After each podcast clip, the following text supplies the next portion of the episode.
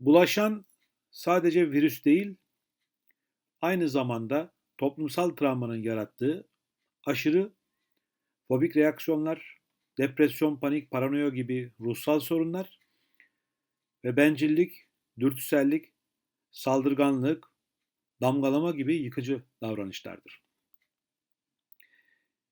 İnsanlar olağanüstü durumlarda nezaket, sağduyu, empati, yardımlaşma gibi ahlaki değerlerini geçici olarak kaybederler ve sadece kendisini düşünen bencil bir varlığa dönüşürler.